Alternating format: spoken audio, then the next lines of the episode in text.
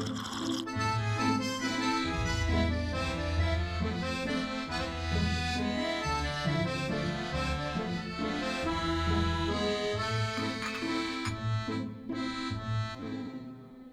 lytter, velkommen til en eh, ny episode med denne podkasten som heter Kaffe og kringle med meg, Karen. I dag, på uh, sjølveste valentinsdagen, så er jeg så heldig å ha fått en eh, veldig gøyal eh, gjest på besøk. Og jeg har servert henne kringle. Jeg ser at hun har spist halve, for hun syns sikkert at den var litt grann tørr. Og det er helt greit, for hun er jo god på mat, eh, tross alt. Therese Sortevik, velkommen til podkasten. Jo, tusen takk. Kjekt at du ville tilbringe valentinsdagen med meg, og ikke med Bengt. Selvfølgelig, Bengt er jo jeg lei av. altså. ja, man kan bli det. Ja, ja. Ja. Det ble litt masse av han. OK. Ja, jeg skjønner. I hvert fall veldig gøy at du ville komme. Kanskje du begynner med å fortelle litt om deg sjøl. Hvem, hvem er du, og hva driver du med? Ja, Det er jo egentlig et veldig godt spørsmål, det lurer jeg sjøl ofte på. Men uh, God tid til å reflektere litt uh, her Ja. med meg, da. jeg er jo Therese Sortvik, 38 år. Det måtte jeg faktisk sjekke opp. Du måtte google. Jeg ble tatt for uh, løgn på alder før. Så Ja, oppover eller nedover? eh, det er nedover, men det er så Ja. lite at det egentlig ikke betyr noe. Mm. Men, men det er bare fordi at jeg er litt dårlig på den hoderegninga, og alderen går litt Ja. Ja. 2024 minus Ja, jeg Ja, skjønner. mm, Ja. Det er komplisert. Mm, det er vanskelig. Ja. Og så har jeg jo to barn Mm. som er blitt så gamle at de går i niende og tiende. Ja. Ja. Så det er jo også samboer med Bengt. Mm. Ja, jobber på Nord Tekstil og ja, vært skoselger eh, halve mitt liv og ja. Mm. Det skal vi snakke litt mer om eh, i denne podkasten, da. Ja. Så det blir jo veldig kjekt. Mm. Hvor, eh, hvor vokste du opp? Var det her i Florø, eller? Ja, Jeg hadde mine første år i Florø, faktisk, så jeg var vel en liten eh, rakker i Firdaveien. Ja.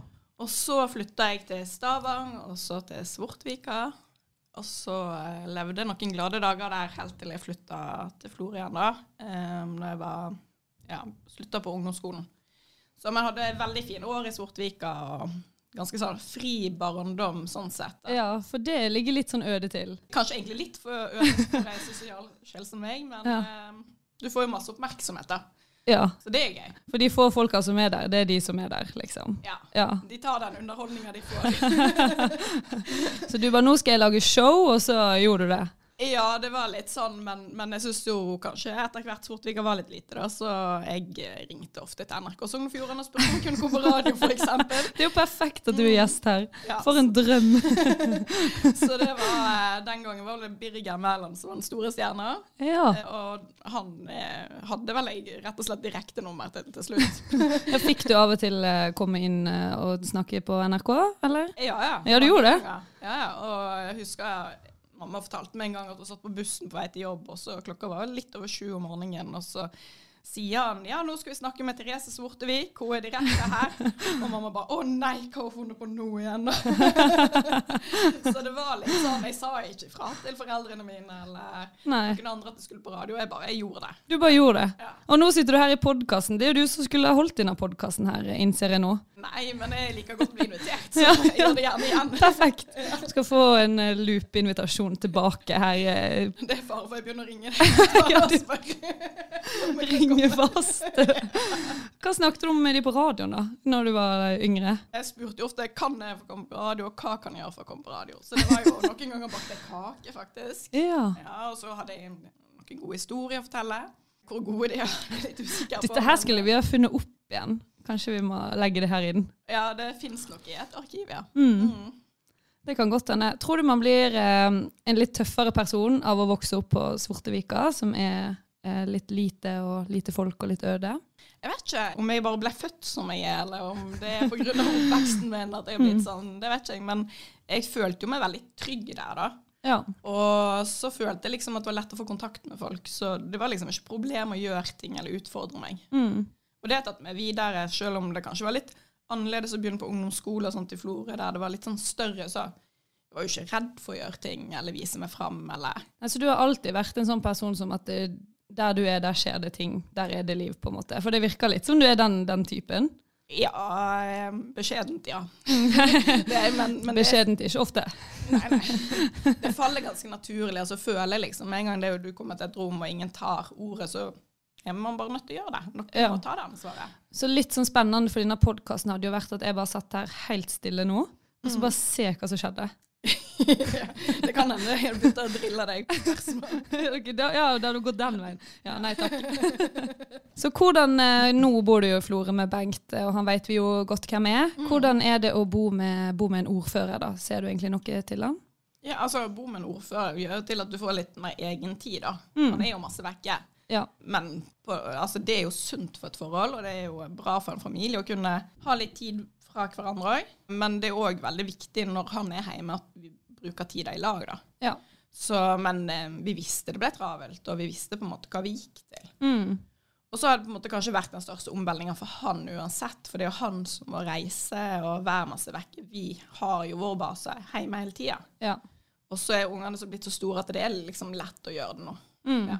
ja. De trenger ikke tett oppfølging eh, på samme måte som tidligere, sikkert. Nei, jeg føler vi har lært de godt opp, da. Mm. Og, og alle i familien var jo med på det. Vi ville jo at han skulle stille. Ja. Når han hadde ønske om det, så var det opp med flagg og Ja. Ja.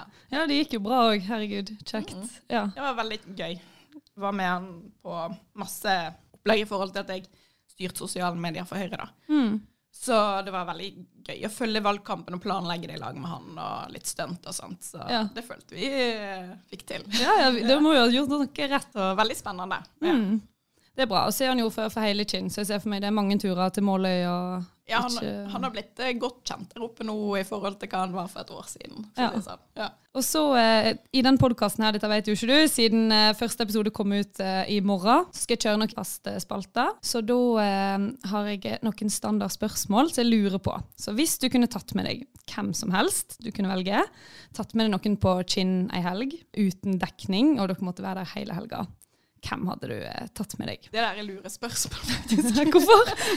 Jeg har akkurat blitt bevisst på at eh, det, dette her får voksne folk som et spørsmål. Ikke akkurat kinn, men generelt sett. Hvem Ja. ville du tatt med deg på Ødøy? Ja, problemet ble med det spørsmålet? Alle voksne svarer en eller annen kjendis, bla, bla, Mm -hmm. Og så spør du små unger, så sier de mamma og pappa. Ja. Så jeg Mm. ville tatt med mann og barn, selvfølgelig. ja. Men hvis jeg fikk lov å velge utenom de, Utenom, ja, dette er ikke noe lure, dette er ikke for å eh, Nei. sette deg i noe så vil jeg liksom Lys. tenke litt sånn strategisk. Mer sånn hvem kan sette Florø-kinn på kartet, eller hvordan kan vi på en måte la folk oppdage den fantastiske byen vår da, Ja.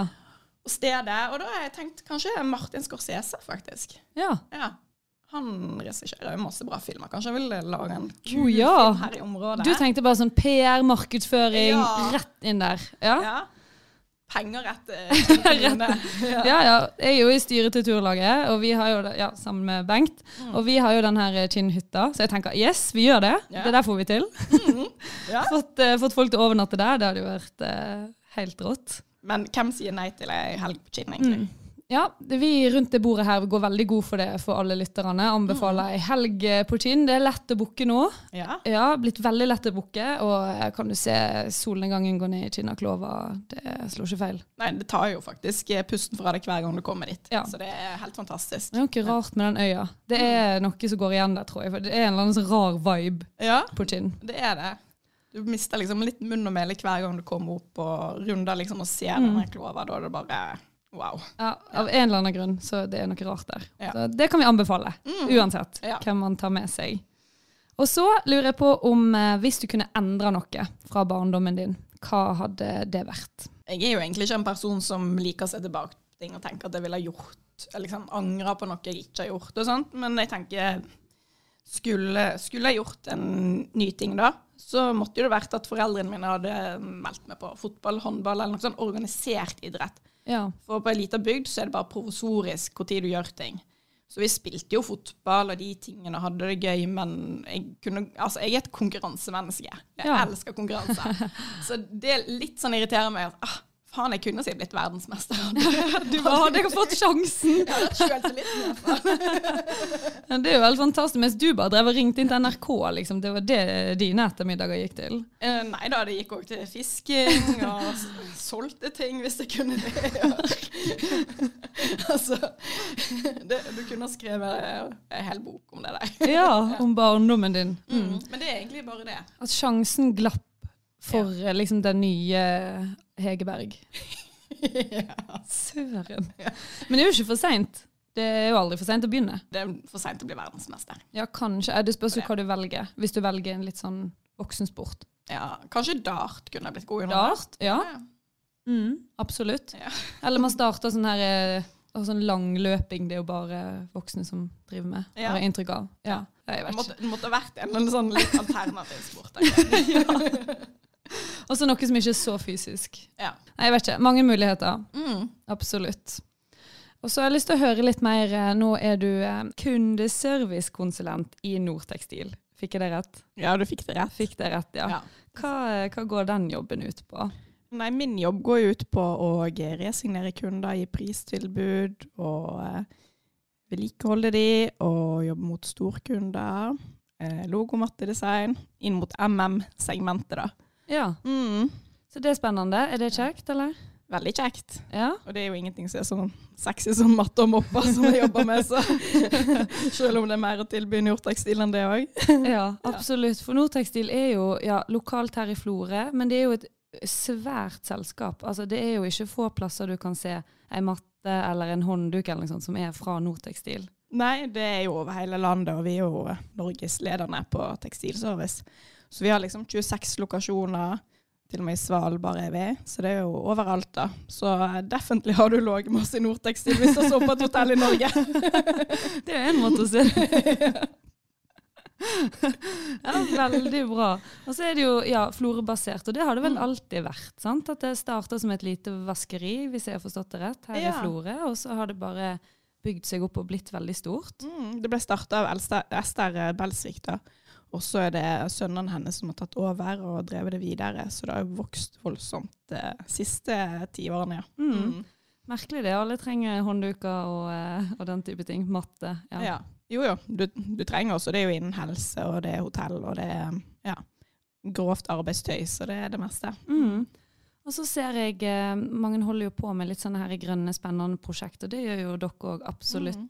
Så jeg så det her med, med bærenett. Det Ja. prosjektet der. Mm. Det har du fronta litt. Kanskje ja. du forteller oss eh, hva, hva går det ut på, egentlig? Jo, jeg har jo jobba i ja, starten av 2023, så begynte vi å være på en messe og ga ut litt sånn giveaways, da. Og da tenkte vi hadde jo vært kult å lage noe sjøl, da. Ikke bestilt noe sånn ferdig greie. Og så har vi liksom Vi har jo Tekstilene våre er jo kvalitetstekstiler. De skal vaskes mange ganger, og de skal tåle flere år før de skal bli skifta ut. da. Men eh, så er liksom så mange av de som fortsetter å bruke seg, selv om de kanskje ikke kan gjøre nytten lenger, som f.eks. en helsekittel eller duk, eller hva det er. da. Fordi de er utslett eller har noen feil og mangler etter hvert. Hvis Eh, noen ikke vet hva en helsekittel er. ja. Hva er en helsekittel? Nei, det er jo hvis du f.eks. har vært på et legekontor eller hos doktoren, eller hva det er, så går jo de Alle i helsetjenesten går jo med en sånn V-forma T-skjorte lignende. Ja, sånn Ja. blå eller hvit, sånn, som vi alle har sett. Ja. Ja. Uh, og det er det vi liksom fant ut. Det har jo vi masse av. Og vi fikk hun eh, Kristine Svarts fra Florø til å Ja, vi ga henne en del produkter, og så kom hun opp med et bærenett da, av helsekittel. Og det valgte vi å gå for, da, så vi bestilte opp et opplag i- av det. Eh, samarbeid med tre ulike aktører da, i Norge. ASFO er i lag med Uniformpartner i Selje, og så er det i Nesodden var det Studio Nord og eh, Sisters in Business i Asker. Mm. Så de har produsert, og det gikk liksom litt ringvirkninger med arbeidskraft og inkludering og sånt. Og så i tillegg så eh, ble vi klar med de bærenettene i november, og i januar i 2024 så hadde vi med oss det på messe, da. ja. Mm. Så skikkelig heimelaga messemateriell. Det er sikkert ikke mange som har. Eh, nei, ikke så jeg vet om, i hvert fall. Men det var iallfall veldig stor suksess. Og så har det vært liksom køer på stand når vi har hatt de, og det har vært eh, Ja. Altså folk har engasjert seg både internt og kundene våre, og vært utrolig god respons på det. Så det er jo noe vi har lyst til å jobbe videre med, da. Så det kommer vi til å fortsette med, og så jobber vi videre for å se hvilke andre produkter kan vi lage. Ja, for det tenkte jeg òg. Går det an å lage noe annet enn bærenett på en måte av de her? At det kanskje er muligheter for, eh, for andre ting? Ja, ja, det det masse, og vi, vi har jo drodla masse og jobba med ting. Så du kan jo sy det meste av det, og så må det på en måte være noe som du kan eh, bringe inn enten i sortimenten, eller at du kan gi det som giveaways og sånt. da. Ja. Ja.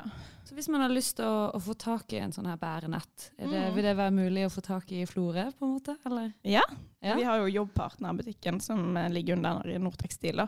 Så de på Evja, så selger de eh, eh, kittelbærenett, holdt jeg på å si. Ja, så Ja. der kan du gå inn og kjøpe sirkulær økonomi i praksis, nesten, da. Ja, Er ikke det nydelig? Det er jo fantastisk, alt man får til. Mm. Veldig spennende. Ja. Og så er jo ikke det her med Nortekstil det eneste du driver med. Jeg har forstått det sånn at du òg driver en egen Instagram-konto som handler om eh, mat og vin. Mm. Digge greier. Mm. Ja. Ja, det var nå en litt sånn amb ambisiøs koronating som jeg heiv meg på når det var litt rolige tider, da, kan man si. Ja, ja, ja. Eh, så jeg, jeg kan jo ikke si at jeg har vært kjempeaktiv eh, siste tida. Men eh, jeg, jeg elsker jo å lage mat, og det er jo liksom noe Altså, jeg kan jo bruke åtte timer på kjøkkenet en lørdag, liksom. Hvorfor tror du presset med å servere kringle til deg, det var til stede? Men uh, som sagt så har jeg bare servert i dag eh, fryst kringle som jeg har varma opp igjen. Siden mamma da er på uh, skiskytter-VM, så det er grei unnskyldning, Det er veldig grei, og jeg er faktisk veldig misunnelig på. Ja, jeg tenker det får, Mm. det får gå greit, liksom, for Ja. denne gangen. Ja. Nei, men uh, det å bare bli servert mat, det er jo faktisk luksus. Ok, Selv om kringla var litt tørr. Men det er jo ikke maten egentlig det kommer an på, det er jo selskapet. Ja, Og det er viktig å huske på. mm, Mm. det er sant. Fordi er det et kjedelig selskap, så smaker kanskje ikke maten så godt uansett. Nei. Men eh, det, var, altså, det var rett og slett bare derfor jeg begynte litt. Fordi det ble litt sånn Jeg la ut, og så fikk jeg litt sånn press utenfra. Og så tenkte jeg ja, jeg får nå bare opprette en konto, da. Mm. Så var jeg kanskje litt flink med den eh, første to årene, og så går vel det som det ofte gjør, da. Ja. Litt nedover, og så husker jeg på den innimellom. Ja. Men eh, mat og drikke er jo livet. Så. ja, jeg er enig. Det Ja. er fantastisk. Det er jo vel en grunn til at denne poden òg fikk et navn som var både drikke og mat. Det er virkelig sånn. Men har det vært sånn at du bare har eh, lagd ting for Insta, eller har det vært mer at du har gjort litt større prosjekt for eh, restauranter eller sånne ting? Nei, altså jeg har jo egentlig bare lagd for Insta, og så har jeg gjort eh, en greie på bollettet, da. Mm. Der jeg uh, ja, fikk servert surdeigsbrødet mitt, og vi hadde en sånn lunsj-event da. Så det var veldig hyggelig. Ja. Ja. Så det likte jeg, Da fulgte meg i mitt ess. Ja, virkelig. Og så har jeg jobba ute på Svanøya på restauranten som en hobby da, under korona. Så det var kjempegøy. Så der har jeg fått lov å bidra med litt matlaging og servere og sånt. Og det syns jeg bare har vært gøy i tillegg til vanlig jobb. Har du alltid bare kunnet lage mat, eller at du bare Jeg forstår ikke det helt, fordi jeg ikke er god sjøl. Så sånn, «Ai, nå bare tar jeg det her og det her opp i en bolle, og så blir det godt. Hvordan, hvordan funker det? Nei, man opparbeider seg litt erfaring, da, men jeg har jo alltid likt å, lage mat. Så jeg husker jo de gangene jeg skulle passe på huset til besta di når de var vekke. og på barneskolen, og besta syntes det var kjempebra til å passe på huset og gården, men kjøkkenet så jo ikke ut. jeg Du hadde bombardert. Ja. Så det var jo noe jeg alltid drev med, da. Og så Mm. har det på en måte kanskje blitt mer sånn bevisst etter jeg fikk unger og den type, og fikk vel ei kokebok av Bengt si på for 100 år siden. Men det På kanskje- valentinsdagen? Nei. det kan vi snakke mer om. Ja. Nei da. Men eh, den, den var i hvert fall veldig bra, og det var han Ole Jonny Eikfjord som laga den. Og så Ja. da fant jeg liksom noen gode, fine oppskrifter, og så ble på en måte den lidenskapen tatt litt mer på alvor, da. Så da har jeg liksom funnet ut at uh, den der Toro-generasjonen som egentlig er vokst opp med den Toro Hva er det? Mm. Det finnes det ikke her lenger. Nei. Nei. Det er aldri en Toro-suppe eller en Toro-lasagne. Ja, hvis ungene virkelig uh, får bestemme en gang, så er det en Toro tomatsuppe, ja. Ja. Men uh, nei. Jeg ser ikke for meg, det skjer ofte. Nei, mamma, lag heller eh, sånn halvfabrikatgreie som eh, kanskje ikke er like godt som det du lager til vanlig. De kan få en tomatsuppe til kvelds eh, to ganger i året, liksom. Ja, ok. Har du en eh, favorittoppskrift? Mm, mange favorittoppskrifter. Mhm. Jeg syns akkurat eh, det der, dette er vanskelige spørsmål. Dette er vanskelig. Ja. Men eh, jeg kan si at hvis jeg skal liksom velge siste måltid, det hadde òg vært vanskelig. Men en enkel ting som jeg alltid syns er godt, det er ceviche. Det er fort gjort, og det er supersunt, og det smaker nydelig. Ja. Men oppskrift kan jo variere alt etter hva du har i kjøleskapet. Mm. ja, hvis du lager en god eh, ceviche, så er det en eh, salat, eller? Ja, Jeg skjønner du, her var ikke jeg god. Nei, her, her sleit du litt. ja, det er rå marinert fisk, da. Ikke sant? Det er jo nesten en salat. Ja, som er sitrusmarinert. Og så eh, har du kanskje chili, og du har eh, avokado eller tomat. Eller litt, det kommer litt an på hvilken fisk og hva, hva smak. Men det er sånn, Mm. litt sånn enkle varer. Det er ikke liksom masse jåleri og sånt med det, da. Ja, så Også, det bare smeller du sammen hvis du ja, lurer på hva du skal lage en dag. Og det er sånn superfriskt, liksom. Ja. Ja. Kanskje jeg har spist ceviche-salat. Er det noe? Mm, det kan hende du har smakt. Hvem vet. Kanskje jeg får invitere deg på det. Mm. det du hørte det. Jeg Mm. server den. Ja, Server den til deg. det er greit. Ok, Har du da en eh, favorittvin eller en favorittsider, eller noe å anbefale de lytterne som er glad i drikke? Eh, Sideren, nei takk. Men eh, Ja, ok. Vin, da. Ja, Ja. ja, vin, men, men jeg må jo bare si at der er jeg eh, Før var jeg litt sånn Å, den, den digger jeg, og litt sånn. Men jeg er blitt veldig sånn som liker å forske litt og prøve litt, og jeg biter meg liksom ikke fast i at det skal være den drua, det skal være for det distriktet. Det er ikke, det er ikke den. Jeg er ikke den type vin vinelsker. Jeg er mer sånn Jeg sier at du må bruke de tre H-ene, da. Hvem, hva, hvorfor. Og så er det liksom Fordi hvem skal du drikke det med? Hvor er du, og hva skal du spise, eller liksom de tingene, da. For det er liksom atmosfæren du skal drikke det, og, og det skal være litt sånn etter humør og hva du har lyst på. Så om jeg skal velge rødvin eller hvitvin, eller om det er oransjevin, eller om det er en champagne. Det er liksom litt Mm. etter humøret mitt, da. Ja. Men humøret mitt er jo stabilt godt. så ja, men du er sjelden sur. ja. Ja. Eller jeg vil jo påstå det, ja. ja. Og de hjemme òg, de, de stiller seg bak det? Ja, jeg spurte faktisk ungene mine hin dagen hvordan syns dere jeg kjefter. De bare Nei, vi veit ikke om du. Perfekt. Ja. Men, men tingen er ja, kjeft er en ting, men jeg er ikke masse sur. Men jeg er jo menneske, så jeg blir jo sur, jeg òg. Ja, klart det. Ja. Hvis det er lenge siden man har spist og man har hatt en stressende dag på jobb og kommer hjem, da kjenner man jo at eh, tålmodigheten kanskje er litt, eh, litt tynnere. Ja, eller Jeg blir ikke hangry, men eh, det kan jo være ting som har vært utfordrende som gjør til at du er litt sur, eller at du trenger for å få lufta deg litt. Mm. Ja, men bra. Da har vi jo lært hva ceviche er. Og så har vi lært eh, hvordan du skal velge vin. For det er ikke bare vin, det er atmosfæren og det er stemninga. Ja, ja, for Ja. Du, men har ikke opplevd det? da? Drukket f.eks. en god vin på en restaurant, eller, eller noe, så kjøpte den i ettertid, og så smaker ikke den samme? Jo, helt klart. Ja. Ja, ja. Og det jo, handler jo noe med hvem du har deltatt med, hva du har spist, og hva du har gjort. ja. Og, og den stemningen er kanskje ikke der. Nei, for ofte er det jo sånn her eh, Har du hatt en vinsmaking, eller du har vært på noe litt sånn fancy, og så tenker du å, den var egentlig skikkelig god. Og så har jeg bestilt den inn gjerne fra polet, da. Og så når jeg har fått den, så har det vært sånn Ja, hva søren. Den var helt OK. Ja. var sånn OK. Nei da. Så ja. Jeg, jeg er ikke den som velger å kjøpe en pinnevin, eller som de kaller den. Jeg, jeg tenker De som jobber på polet, kan masse bra. Så er man i tvil, så syns jeg det er gøy å bli utfordra de òg, og, og spørre de om tips. Ja. Så Også- kan man jo ja, bestille inn. Det er jo veldig enkelt, har jeg funnet. Mm. Det de ikke har i Florø, det er lett å, å få tak i. Ja, og så finnes det så mange fine altså vinblogger, anbefalinger og sånt, så det er bare å følge med litt. Mm. Gjør litt research. Jeg liker å gjøre det som heter altså korttidsinvestering, da. Ja. Så hver måned når jeg får lønn, så setter jeg av eh, en tusenlapp eller to. Og så bare sitter jeg og plukker nye viner som jeg bestiller inn til Polet Florø.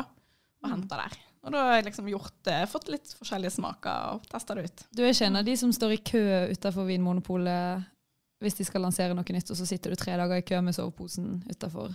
Jeg kommer fra Florø, jeg hater. Ja. ja, det er sånn. To minutter i Victoria-krysset, bare Altså, på vei hit i dag så sto jo vi i krysset der med Vik. Og så kommer liksom det først en bil, og jeg bare helvete. Og så kommer det bil nummer to. Jeg bare, altså det er sånn der, Du begynner å se på klokka uten at du har klokke. Og så kommer den tredje, og jeg bare sånn «Vent, Det var noe jævlig til kø i dag, da. helt sjukt rush. ja. Og jeg var liksom litt småstress, og så bare Må man kjøre så sakte gjennom Strandgata? Nei, det er sant. Ja. Har du vurdert å på en måte leve av den mathobbyen? Altså å gjøre, gjøre det til eh, karriere? Nei, det er mange grunner til, men jeg kunne gjerne gjort noen sånn pop-up-greier eller sånn små ting. Mm. Men uh, altså, jeg har drevet butikk. Jeg jobber i butikk. Ja. Jeg tenkte liksom denne gangen jeg skal velge yrke eller velge ny jobb, så vil jeg ha ferie. Jeg vil ha krav på det alle andre har. Og så må jeg lære meg å bruke ferie, da. Har jeg funnet ut. Mm. ja det er noe man må lære, liksom. ja. Ja. Og så har jeg liksom lyst til å ha de her frihelgene, da. Mm. Fordi mitt mål, tror jeg det var i 2019, så var det å jobbe bare 48 helger i året. Eller lørdager i året. ja, ikke sant. Ikke 51, som jeg hadde gjort år før. Ja. Ja. Ta noe fri, på en Mm. måte. Ja, For det skal vi jo litt innom eh, etterpå, det her med mm, å drive butikk og ja, at det er Mm. litt stressende. Men ja, hvis du hadde bare gått for å bli kokk, da, for eksempel, eh, på en restaurant, så ville jo du fortsatt ha fått den friheten, da, men samtidig jobba med lidenskapen, eller? Ja. Nei, altså, Altså, du Ser litt skeptisk ut nå? Det er jo eh, jobbtiden. Det er jo ikke noe 9-4-jobb som regel. Nei. Men nei, nei, altså hobby er en ting. Ja. Men uh, nei, jeg vil ikke jobbe med det. Nei. Nei. Tenkte litt på det her med familien din. Mm. Du har jo to døtre som liksom er fjortiser. Mm. eller tenåringer, heter det vel. Altså, hvordan er det hjemme? Er det stressende å ha to tenåringsdøtre som er så tett, eller går det bra? Nei, jeg syns det går veldig fint. Det er ikke Ja. stress. Nei. De er jo to egentlig ganske sånn rolige jenter, vil jeg si. da. Mm. De har nå sikkert sine utspring, men det går veldig rolig for seg. Det er ikke noe slamring med dørene eller skriking og roping. Det er liksom fine samtaler og ja. De Ja. holder nå på med sitt. De har nå håndball og lekser og De fikk liksom muligheten til å bli verdensmestere, den der muligheten du aldri fikk. Jeg vet ikke om de har liksom samme holdt på å si, ambisjonene inne som meg på alt, men eh, de, de liker håndball, og de går på trening og de koser seg med det, og det er viktig. Ja. Mm. Så det er altså lite dramatikk i heimen der, da. Det må jo være litt, litt greit, egentlig. Ja, veldig greit. Altså, Mm. Du vet jo aldri hvordan det går med spesielt to jenter i tenåringsalderen. Det kan jo være utfordrende bare å tenke på det. Ja, du trenger ikke å ta det for gitt på en måte at de er gode venner, og at de kommer godt overens og de tingene. Nei. Ja. Nei, jeg er veldig takknemlig for det. Men, Mm. Så får vi se hvordan det går, men jeg tror det kommer til å gå ganske greit. Det går nok bra. Ja, Det tror jeg virkelig. Ser du stor forskjell på de og deg sjøl når du var tenåring? Både ja og nei, for jeg kan se liksom noen likheter, sånn som og, og meg og Bengt har snakka om det. altså han kan kjenne igjen sitt lynn og sin væremåte på ene, og jeg kan kjenne igjen mitt på andre. Men altså, jeg har en bror som er tre år yngre, og en søster som er seks år yngre. Altså, meg og broderen er ganske tett, men meg og søsteren har litt større spenn, så det blir på en måte ikke samme opplevelsen. Det var nok sikkert litt mer krangling på oss søsknene enn det på ungene mine. Mm. De er så tett, så, og de har litt forskjellig væremåte, og det, jeg tror de glir godt inn mot hverandre, da. Ja. Ja. Og er gode venner. Ja. Mm. Luksus. Luksus, ja Mm. virkelig. Så tenkte jeg eh, litt på deg og Bengt. Der er det jo eh, Driver du og tenker på meg og Bengt? Ja, jeg bare Jeg tenkte litt Hvordan var det egentlig dere møttes? Nå er jeg litt spent på hva han egentlig ville ha svart. da, fordi jeg, har jo dere min- har to forskjellige historier. jeg vet ikke, jeg har aldri spurt han om hva hans historie er, holdt jeg på å si. Spørs om vi må ha han inn i studio her òg, Ja, for oppfølging. Ja. Men det var jo egentlig sånn typisk sånn klassisk eh, film eh, han møter henne, holdt på å si. Jeg jobber på bar på Bua. Bartender, ung, ung og lovende bartender. Og der kom han inn, Ja. så fant han kvinner i sitt liv. Ikke sant? Ja, ja. Heldig han var. Så eh, nei, han måtte nok jobbe litt, og det var, det var nok noen år før vi fant ut om vi gadd å satse eller ikke. Ja. ja, man må jo bli kjent. eh. Men hvordan jeg møtte han første gang, det er jeg litt usikker på. Men det var nok sikkert ikke i en edru tilstand, nei. Hvor lenge jobber du på Bua, da? Gud, altså, det har blitt så lenge siden at jeg er jo ikke helt sikker. Men jeg tror eh, Jeg jobber jo der noen år samtidig som jeg jobber faktisk på blomsterbutikken til mor mi. Så jeg tror egentlig jeg slutta der når jeg skulle ha barn, da. Ja. Det var vel i 2008. Kan hende jeg slutta i slutten av 2007, begynnelsen av 2008. Jeg tenkte sånn, ja, Det er jo bare noen år siden, men Det eh, jo 100 år siden. det begynner faktisk å bli en del år siden. Ja, Det var nå bare på gøy, og det var en gøy tid. Ja. Mm. Det er bra. Har du eh, troa på, eh, på ungdommen nå til dags? Ja. følte meg veldig gammel og ungdommen nå til dags, Ja, det- men eh, vi spiser kringle, så vi kan si hva vi vil. jo da, det har jeg, men det er jo veldig mange andre forutsetninger det er i dag enn det var for 20 år siden, sant. Så, men, eh, men på mange områder oppfører de seg finere, og på mange andre områder så er det skumlere. Men jeg føler jo at liksom, den generasjonen eh, når, Altså når jeg gikk på ungdomsskolen, og sånn, så var det liksom Det var jo kult å gi F på en måte, i skole og alt, og det var ikke så nøye. og folk, altså Det var veldig få som visste hva de ville, og hva slags utdanning de ville ta. Og så nå er jo det liksom veldig målrettet. Jeg ser jo liksom at folk vil ha gode karakterer og sånne ting. Men så er det jo så mange andre ting som spiller inn liksom i livet, Mm. som er en påvirkning, så Helt klart. Og så er det det her med sosiale medium, ikke minst. Jeg er jo òg så gammel at jeg slapp akkurat unna. Min første telefon var en sånn Nokia 365, eller et eller annet sånt, eh, som kom sånn ja, Kanskje gikk på ungdomsskolen når den første telefonen kom. Så jeg har sluppet unna det der verste presset, liksom. For det tror jeg kan bli heftig. mm. Nå har ikke vi hatt så veldig masse Vi har ikke akkurat hatt noe problem hjemme, men, men jeg hører jo liksom historier og sånt, og det er jo ikke hyggelig for alle, alt som skjer. Mm. Og man skal jo være påpasselig. Ja. Altså til og med voksne blir jo lurt. så- Ja, ja, ja. Ja. Herregud. Lurt, og folk går på sosiale medier for å klage. Så det er litt av hvert, eh, litt av hvert der ute. Ja, som, det er eh, merkelig kanskje hvilket bilde du kan ha hatt av folk, og så plutselig får du en veldig sånn klagete oppfatning når du ser alt som blir skrevet. Og det er dessverre, altså. Mm. Det er noen du får dessverre dårligere inntrykk av, og så er det noen som ser ut som har det bare fryd og gammen òg. Så det er liksom sånn slags Ja. bilde er det man vil vise? Og sånn, det tror jeg kanskje flere må tenke litt over. Ja, for det, det er helt sant. Noe Mm. med å, å vise alt fram som at det er så sjukt perfekt, Mm. og så er ikke det det. Det er én ting. Og så er det det å vise at du, du er bare verdens sureste person. Sant? Så det er en sånn fin eh, grense der med hva skal man dele uten at det, det blir falskt, men uten å være for negativ. Ja. Vi lagde jo doning eh, til Chippen et år, og da lagde vi bare en sånn svær banner der det sto sånn 'Du veit du er fra Florø når?' Og så Ja. lagde vi veldig mange skilt med eh, litt sånne her, eh, kjipe kommentarer som folk klager på. Liksom 'Hunden din har bæsja på veien', og ja, alt mulig rart som folk finner på å skrive, da. Så Mm. akkurat den gruppa er jo Jeg tenker den er et godt eksempel. tatt på kornet. Så Mm. Det er jo sånn, og du blir litt sånn der jeg tenker bare Hva er det folk tenker med? Kanskje, altså Alt trenger ikke man å skrive, og man kan ofte tenke litt gjennom ting før man forfatter det. For ofte når jeg blir sur eller liksom ja, irritert for noe, da, så prøver jeg liksom å tenke Den ene gangen i året du blir Ja, det skjer noen ganger, men jeg Ja. har mine metoder for å jobbe med det. Ja. Og det er jo liksom det her å, å gå seg en tur, komme seg ut litt, eller, eller så tar jeg faktisk og bare tenker nå, eh, Kanskje du må bare ut av den bobla er nå, og så går du på en måte litt vekk, gjør noe annet. Og så hvis det fortsatt irriterer deg om Altså det kan bare være det der at det hverdagslige som at uh, ingen har hjelp til hjemme, eller Det er sånn klassisk dameirritasjon, sant? Det føler jeg. Ja, ja. Og det, og det tenker jeg Skal man virkelig starte første verdenskrig for det, liksom? Mm. Ja, er det verdt det? Ja, ja det det tror jeg er gode poeng. Bare ta en runde, sånn som på jobb òg, hvis det er noe Mm. som irriterer deg. Ok, Bare ta en runde, ro ned, Ja. og så bare kjenn etter nå. Er det verdt det? ja Eller er jeg bare litt sulten? Eller altså, hva er problemet her, Ja, liksom? eller Er, er det liksom Er dette noe å lage et eh, helvete for, liksom? Mm. Ofte er svaret nei. Og dessuten, er, er du best til å ta det opp når du er på det sinteste? Nei. Du, det kommer aldri noe godt ut av det.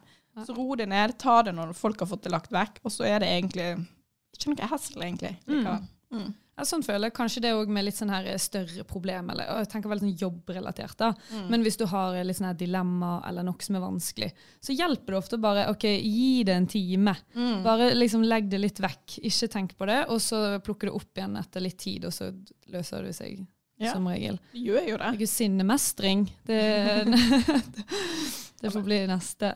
Ja, men jeg tror jo flere trenger å gå litt i seg sjøl når det Mm. kommer til sånne ting. Hvis Og- dere hører på og klager masse, skjerp dere. Ja, gjør det. Faktisk, tenk. Ja. Ja, hva med sjel? liksom? Hva med deg sjel? Ja. Altså, ja, det er jo veldig altså Det påvirker òg veldig de rundt. Får du ikke den der god morgen når du, kommer, når du står opp eller kommer på jobb, eller hva nå enn du skal, så det har masse å si for humøret og miljøet. Mm. Og, og noe som smitter, er jo humør, og det er jo Mm. både positivt og negativt. Og det er jo liksom mest irriterende jeg vet. Nå ble jeg nesten litt irritert. Oi, oi, vi klarte det! Men det er så smittsomt med det sure trynet, altså. Mm. Bare tenk litt. Ja. Smil litt. Vær glad for det du har, liksom.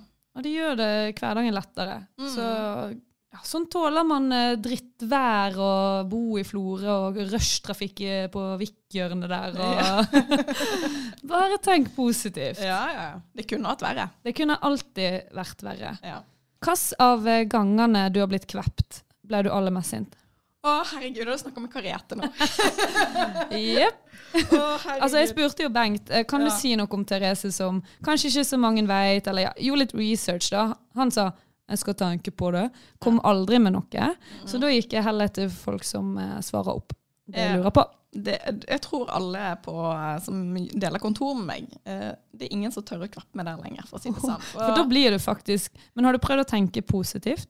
Eh, ja da, Mm. men jeg klarer ikke å roe meg ned. Det er det som er problemet. For jeg får så hjertebank, og det er helt forferdelig. Altså, den ene gangen Kariette kvapp meg, og, og jeg tror ikke hun mente det engang, så sto hun med noen druer på kjøkkenet. Og jeg bare kasta de på henne. Jeg er så glad det ikke var stein eller noe. Melon eller Ja. Og den andre gangen tror jeg jeg nesten slang veggen. Jeg husker ikke helt. Det, det ble svart. Ja. Så da vet vi i hvert fall okay, Hvis det er noe som kan gjøre deg sint, da, så er det å bli kvept. For det hater du. Ja, vi hadde jo en episode hjemme der Bengt kvapp meg, da. Eh, så sto jeg Det burde vært filma. Jeg veit ikke helt, det var egentlig ikke bra. Men eh, jeg sto liksom og skar brød eller noe sånt. Og så gikk han bak meg, og så åpna han en ølboks rett inntil øret mitt. Jeg merka ikke at han var bak meg, og jeg kvapp så sjukt at jeg hylte og snudde meg med kniven. Og det resulterte det noen år siden, men ungene begynte å grine. og det var helt krise hjemme, liksom. Og han ble jo litt sur, og jeg var sur. Det var liksom Ja. Men så sett i ettertid så var det veldig morsomt. Ja. Ja, det, Når du får det litt på avstand. Det der med Ja. å gå litt vekk fra situasjonen og så roe seg ned. Ja, ja, og- Det slår inn her òg. Og jeg ser jo at det er morsomt i ettertiden, men, men jeg, akkurat der, der er jeg litt dårlig. Ja, Eller, eller veldig god på, å bli kvept. Alt etter hva folk vil oppnå. mm. Og så tenker jeg hvis det kommer en tjuv da, hjem til dere, eller et eller annet, så er du der med kniven. Eh, nei. Hvis de tar deg på å kveppe deg, så er du Eh, Det spørs jo hvor jeg står. da For jeg er på kjøkkenet, kanskje litt uheldig, men uh, jeg er på badet, så har vel lite Da blir det maskaraen eller et eller annet oppi Det å kaste dorull. Ja. Jeg er litt usikker eh, på hva som ville ha skjedd, men jeg utfordrer ingen til å komme heller. Nei, det, dere vil ikke vite hva som skjer hvis du kommer og kvepper Therese hjemme. Nei, jeg kan love et helvete. Hva skjedde med lappen? Det har jeg lurt uh, litt på. Fordi at du, jeg så jo at når du, når du kom hit i dag, så ble du jo kjørt. Så jeg forstår det sånn at du ikke har lappen. Har du lyst til å snakke litt om det? Jeg føler jo at det er jo eh, mer samfunnet som har et problem med det enn jeg, da. altså det er mange fordeler med ikke å ha lappen. Ja. Ja. Jeg kan eh, trenger jo aldri å si at jeg ikke tar et glass vin, eksempel, eller de tingene. Hvis det, vi skulle ha kjørt eh, en plass. ja, du slipper å ofre deg for eh, fellesskapet der. ja. Mm. Og så bor jo vi i Lille Florø, det er jo ikke, ikke store avstandene. Nei. Nei. Så det kan telle på han da de gangene jeg tenkte bare faen, nå skulle jeg ønske jeg kunne ha kjørt i full fart, liksom. Det må jo vært en dag med forferdelig vær og, og Sånn som i dag. Ja, men jeg kunne jo bare kledd på meg. Ja, sant. Ja. Ja, det handler om innstilling igjen. Ja, det gjør jo det. Mm. Og man har ofte gått av den turen. Ja. Så, men nei, ja, nei, jeg vet hva. Jeg har helt ærlig aldri vært sånn superinteressert. Nei, ikke jeg heller. Altså null interesse i bil. Ja, så jeg Ja. tenkte liksom Må jeg bare ta det fordi at jeg skal liksom leve opp til normen uh, i Norge, eller Mm. må jeg ta det fordi jeg må det eller trenger det? Jeg trenger jo ikke det. Nei. Så blir det Bengt da, som må kjøre rundt på ungene deres på håndball. eh. Ja, men han, han kjører jo det. Jeg hadde jo nok sagt at eh, dere kan jo gå, vær så god, liksom. Dere har sykkel. Men spiller ikke de kamper i eh, Øvre Årdal og Ja, men- Indre Sogn og alle de der Men, plassene? men jeg er jo ei pyse. Jeg hadde jo aldri turt å kjøre dit, uansett. Altså, Jeg har en venninne som lukker øynene hver gang hun kjører inn i en tunnel og hyler. Det hadde sikkert vært meg. Men begynte du, begynte du på lappen? Eller um, Ja, bare har du tenkt at det, det er ikke for meg? Nei, jeg begynte jo Altså, hvorfor begynte man egentlig? Det vet ikke jeg. Eh, Jeg begynte, men det var liksom Det som var irriterende, var jo at eh, det tok jo på en måte så lang tid mellom hver kjøretime. Og så hadde jeg jo ikke kjørt noe hjem, for jeg flytta hjemmefra da jeg var 15. sant? Så når det går en måned nesten mellom hver gang, så tar det for lang tid, og så plutselig noe skal skje, så får jeg ikke tatt den timen, og så Nei. Var liksom null motivasjon. Men eh, jeg skal bare si at jeg var faktisk ganske god til å kjøre, da. Ja. Skryt. Driver du og lærer å kjøre litt nå? Nei. Nei, du har bare lagt det på is. Ja, for det er et dyrt prosjekt òg, hvis man egentlig ikke er så interessert. Og... Ja. Og så er det liksom sånn Nå bor jeg så nærme at det tar fem minutter å gå til jobb, liksom. Ja. Det tar jo 20 minutter å gå til sentrum. Og det tar fem minutter å gå på flyplassen. Hva mer trenger man, liksom? Nei, si Ja. det. Jeg òg er nabo med flyplassen. Det kan jeg anbefale, faktisk. Det er Nydelig. Ja, Kofferten kom eh, to dager for seint hjem, og jeg kunne bare lompe ned på flyplassen i Crogs. Men har du tenkt på at du bor jo bare sånn en god time unna Oslo? Ja, det er sant. Ja, tenk på det. Jeg- Jeg kan bare gå dit, og så er, er flyet der. Og så av og til letter det, av og til ikke. Og så er jeg i Oslo. Ja, altså jeg har opplevd å gå hjemmefra og komme til Oslo på eh, kundemøte. Mm. Og så, nei, ikke kundemøte, men til en selger. Og så har liksom han brukt lengre tid hjemmefra før han har kommet på kontoret, enn det jeg har brukt. Helt fantastisk. Anbefaler alle å flytte i nærheten av flyplassen. I Florø. I Florø, selvfølgelig. Ja, til Florø. Ja. Nei, det, er- der, ja, det der fungerer helt topp. eh, Men jeg har òg brukt eh, 19 timer for noen uker siden på å komme meg hjem fra Oslo. Ja. Ja, Så det, det var litt dumt. Men uh, da måtte vi innom Ørlandet Å ja. og overnatta der. Jeg Jeg har hørt andre som har vært eh, uheldige med det, ja. ja, Ja. det var litt sånn kjedelig. Men når det går, så er det smooth. Ja, jeg burde vel ikke si det, men jeg har aldri hatt problem med bank i bordet. Men, men jeg, tror, jeg tror det kommer til å gå fint i framtida. Ja, det er noe med vær. Ja. Eneste av og til. Mm. Litt sånn værutsatt. Men uh, det går som regel uh, bra. Nei, men du rørte med et ømt tema der, uh, lappen. Ja, vi prøver jo det. Dypdykke litt i Jeg tror det er noen som har en overraskelse nå, for jeg tror jeg har kollegaer som sitter rundt omkring i landet og ikke har peiling på det. Så dette kommer til å få høre. Å nei! Beklager! Det her kommer til å bli tema. Uff. Ja. Nei, men eh, det er fint, det. Man må ikke være etter samfunnets eh, A4-regler og sånn de har tenkt at man skal være. Nei. Det hyller jeg, Men altså, hvis noen vil sponse meg med lappen, da skal jeg ta den. er det sant? Ja. Ja. Nå har du sagt det i pod, da er det vel Mm. sant. Ja, det er sant. Du nevnte jo i stad det her med Sko-Olsen Mm. og vært skoselger. Hvor lenge drev du på med, med det? 13 år eller noe sånt, tror jeg. Eller jeg begynte i 2009, og så holdt jo Altså, jeg, jeg jobba jo ikke der fast siste årene, men jeg var jo der i helger og kveldsopp og sånt. da. Mm. Ja. Så Så- da var det du og Bengt som drev, eh, drev den butikken i lag? eller? Ja, vi har delt litt på det, for det var jo perioder når han var ordfører og andre ting. Så drev jeg det, og så Ja. Så det har vært litt sånn om en annen, da. Men vi har jobba i lag i mange år òg. Ja. Hva var det beste med å, eh, å drive skobutikk, da? Eh, Det er nok eh, og kundene som vi er innom. Altså det sosiale aspektet med å møte masse folk hele tida. Og spesielt Florø-folk som du kanskje ikke ellers hadde snakka med. Det, Mm. det var veldig gøy. Ja. Det vel, vel, kom veldig innpå folk, da. Du er jo liksom litt sånn hobbypsykolog når du jobber i en butikk i Strandgata. Mm. Spesielt eh, ukedagene dagtid. Mm. ja. Ja. Da var det Trenger du hjelp, eller trenger du sko? Det var liksom Altså, det, du kunne litt se om folk ville komme inn for å snakke, eller for å kjøpe sko. Mm. Ja.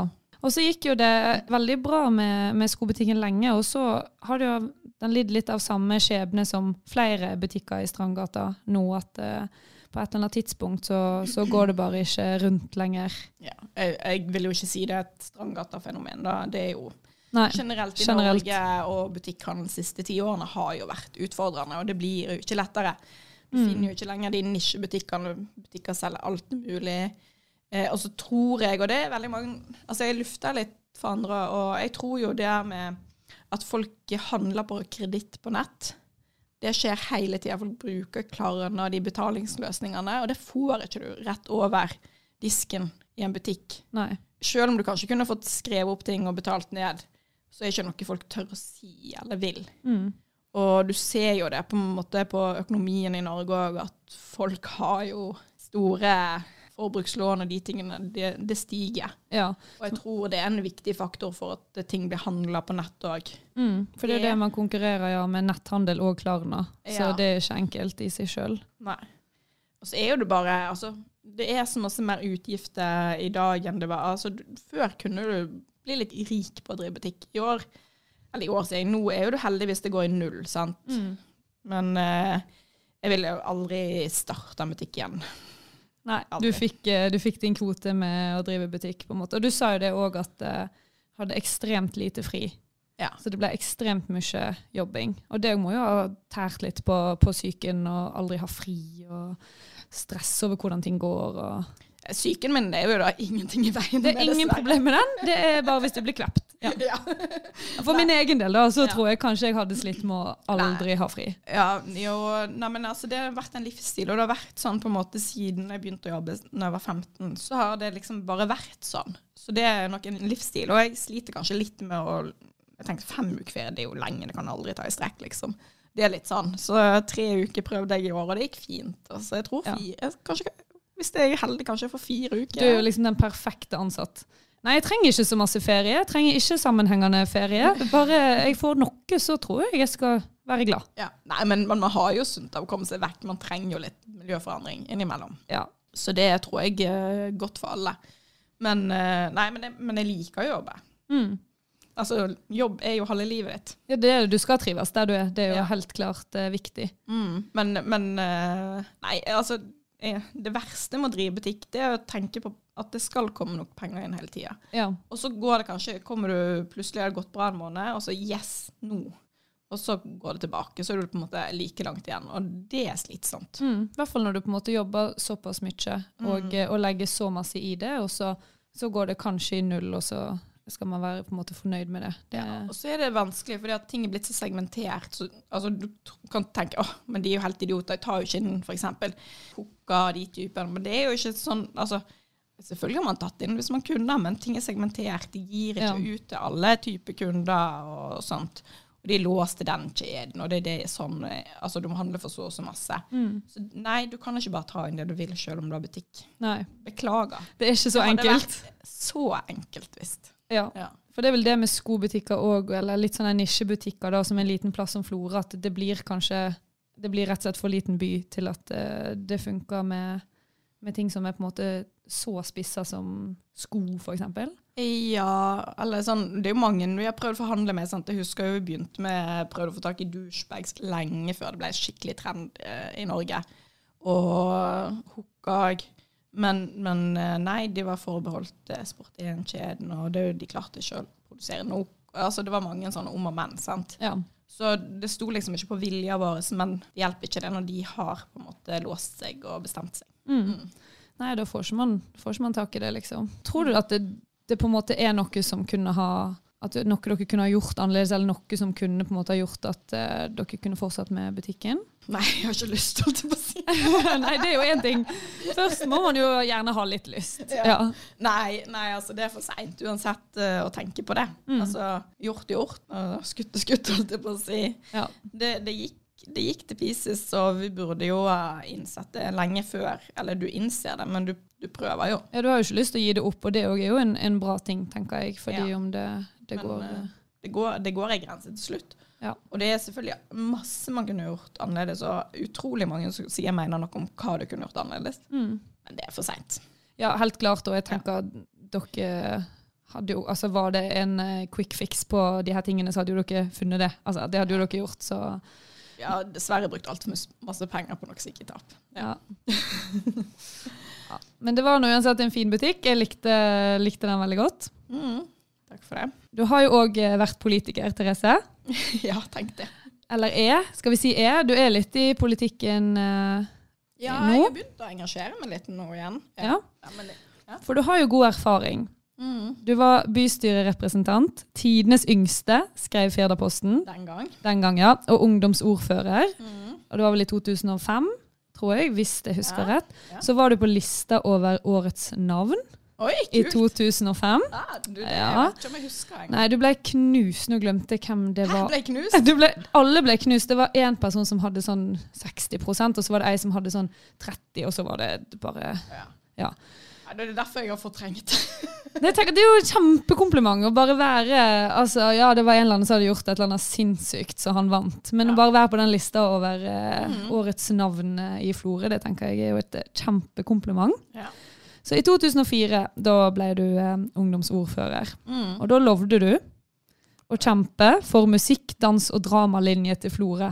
Men det gjorde jeg den gangen. Hvordan gikk det? Kom, det, kom den linja? Nei. Nei. Men, Men du kjempa? Ja, ja, ja. Altså, jeg hvis jeg akkurat på den tida kunne ikke gjort noe bedre enn det jeg gjorde. Nei.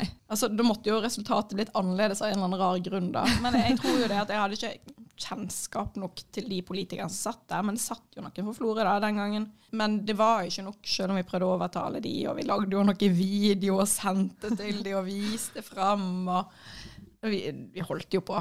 Ja. Eh, ja. Altså, du ga det virkelig en uh, ærlig Ja, altså jeg trodde jo egentlig vi fikk det til å snu, da, Ja. men uh, Ja, jeg mangla vel en liten punch i magen på den, ja. Mm. Mm. Skjønner. Nesten. Lov det mer? Hæ?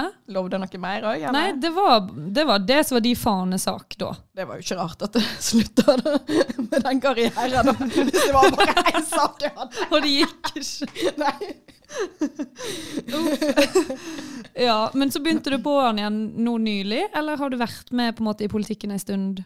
Nei, altså Jeg føler jo at jeg har vært med, men det har bare vært på baksida. Hørt på Bengt Ja, ja, ja. diskutere ting, da. Det kan jo være spennende nok i for seg sjøl. Men, jeg- men jeg takka jo ja til å stå på liste for Høyre. Mm. Og eh, jeg var litt sånn Skal jeg gjøre masse prøver og fronte meg, eller ikke? Men jeg syns jo i den, denne runden her at det var gøy å kunne være med og fronte Bengt, da. Ja. Ja. Så, Dere var team. ja, ja, det var team. Og så vil jeg gjerne delta, for jeg syns jo det er viktig. Og jeg syns det er litt trist hvordan det har blitt, på en måte. Det er vanskeligere å bli politiker i dag. fordi jeg tror det er mer forventninger, og du er litt redd for altså, Det sy- søkelyset som er spesielt på stortingsrepresentanter og sånt, det, det er jo ikke noen som drømmer om det.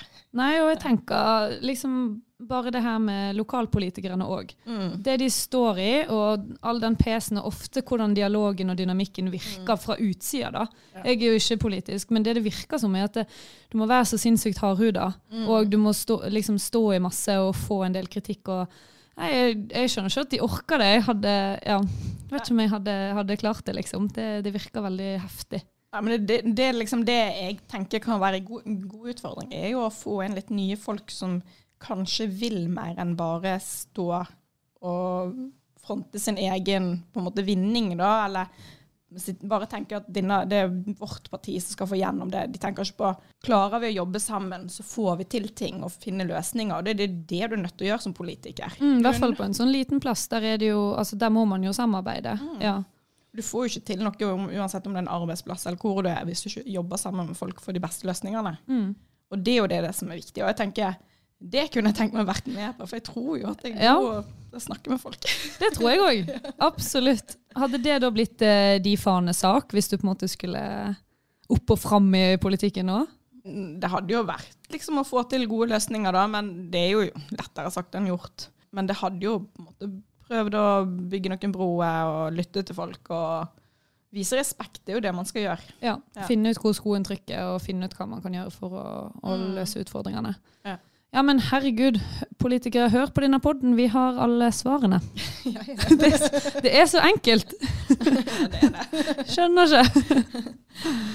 Ja, og så I tillegg til eh, det vi har snakka om nå, så har jeg, ser jeg at du er jo ganske aktiv i lokalmiljøet. Og driver med litt ymse. Grilldressfestival, Gud, det har jeg nesten glemt. våt moro, Kinnaspillet, kanskje? Eller i hvert fall ungene.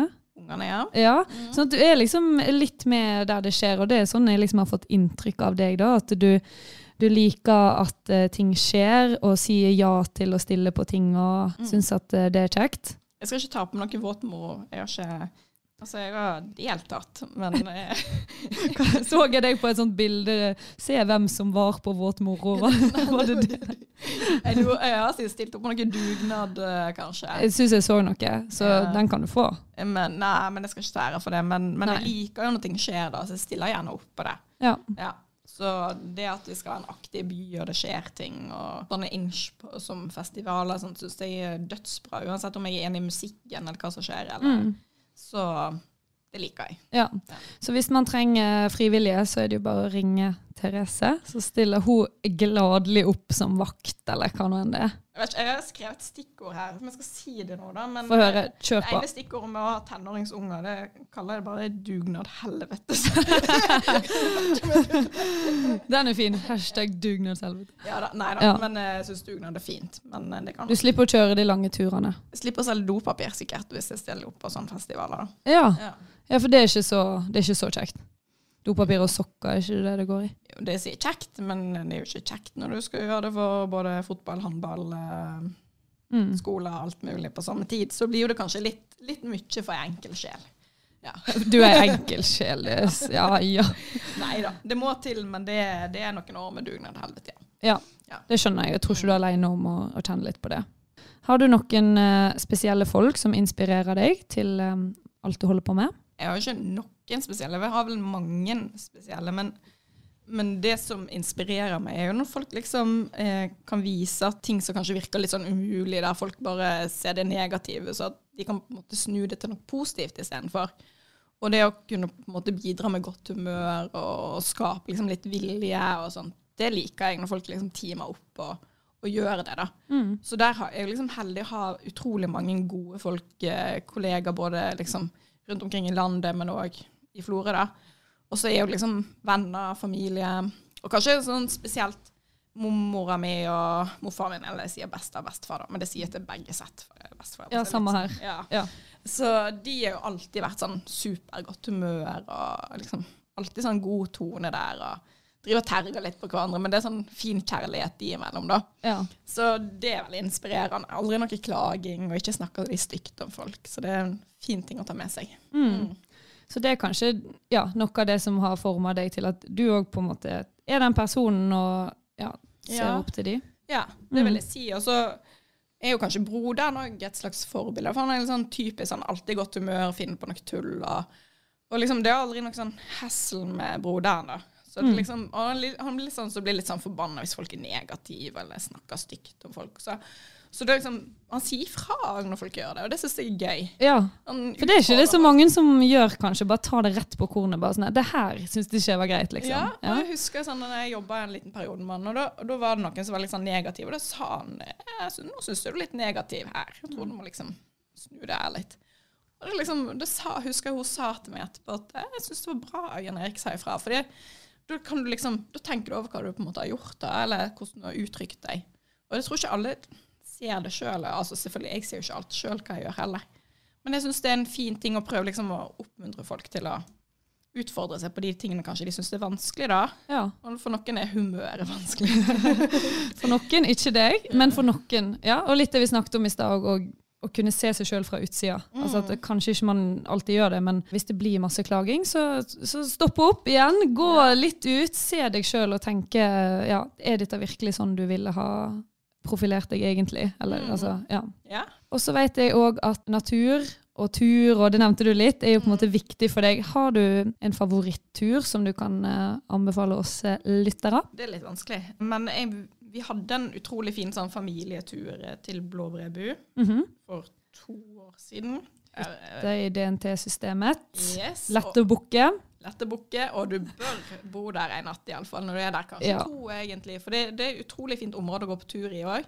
Og jeg husker liksom, vi skulle ta med ungene, og vi gikk egentlig litt sånn seint en lørdag, for besta ble 85, tror jeg, eller noe sånt det året.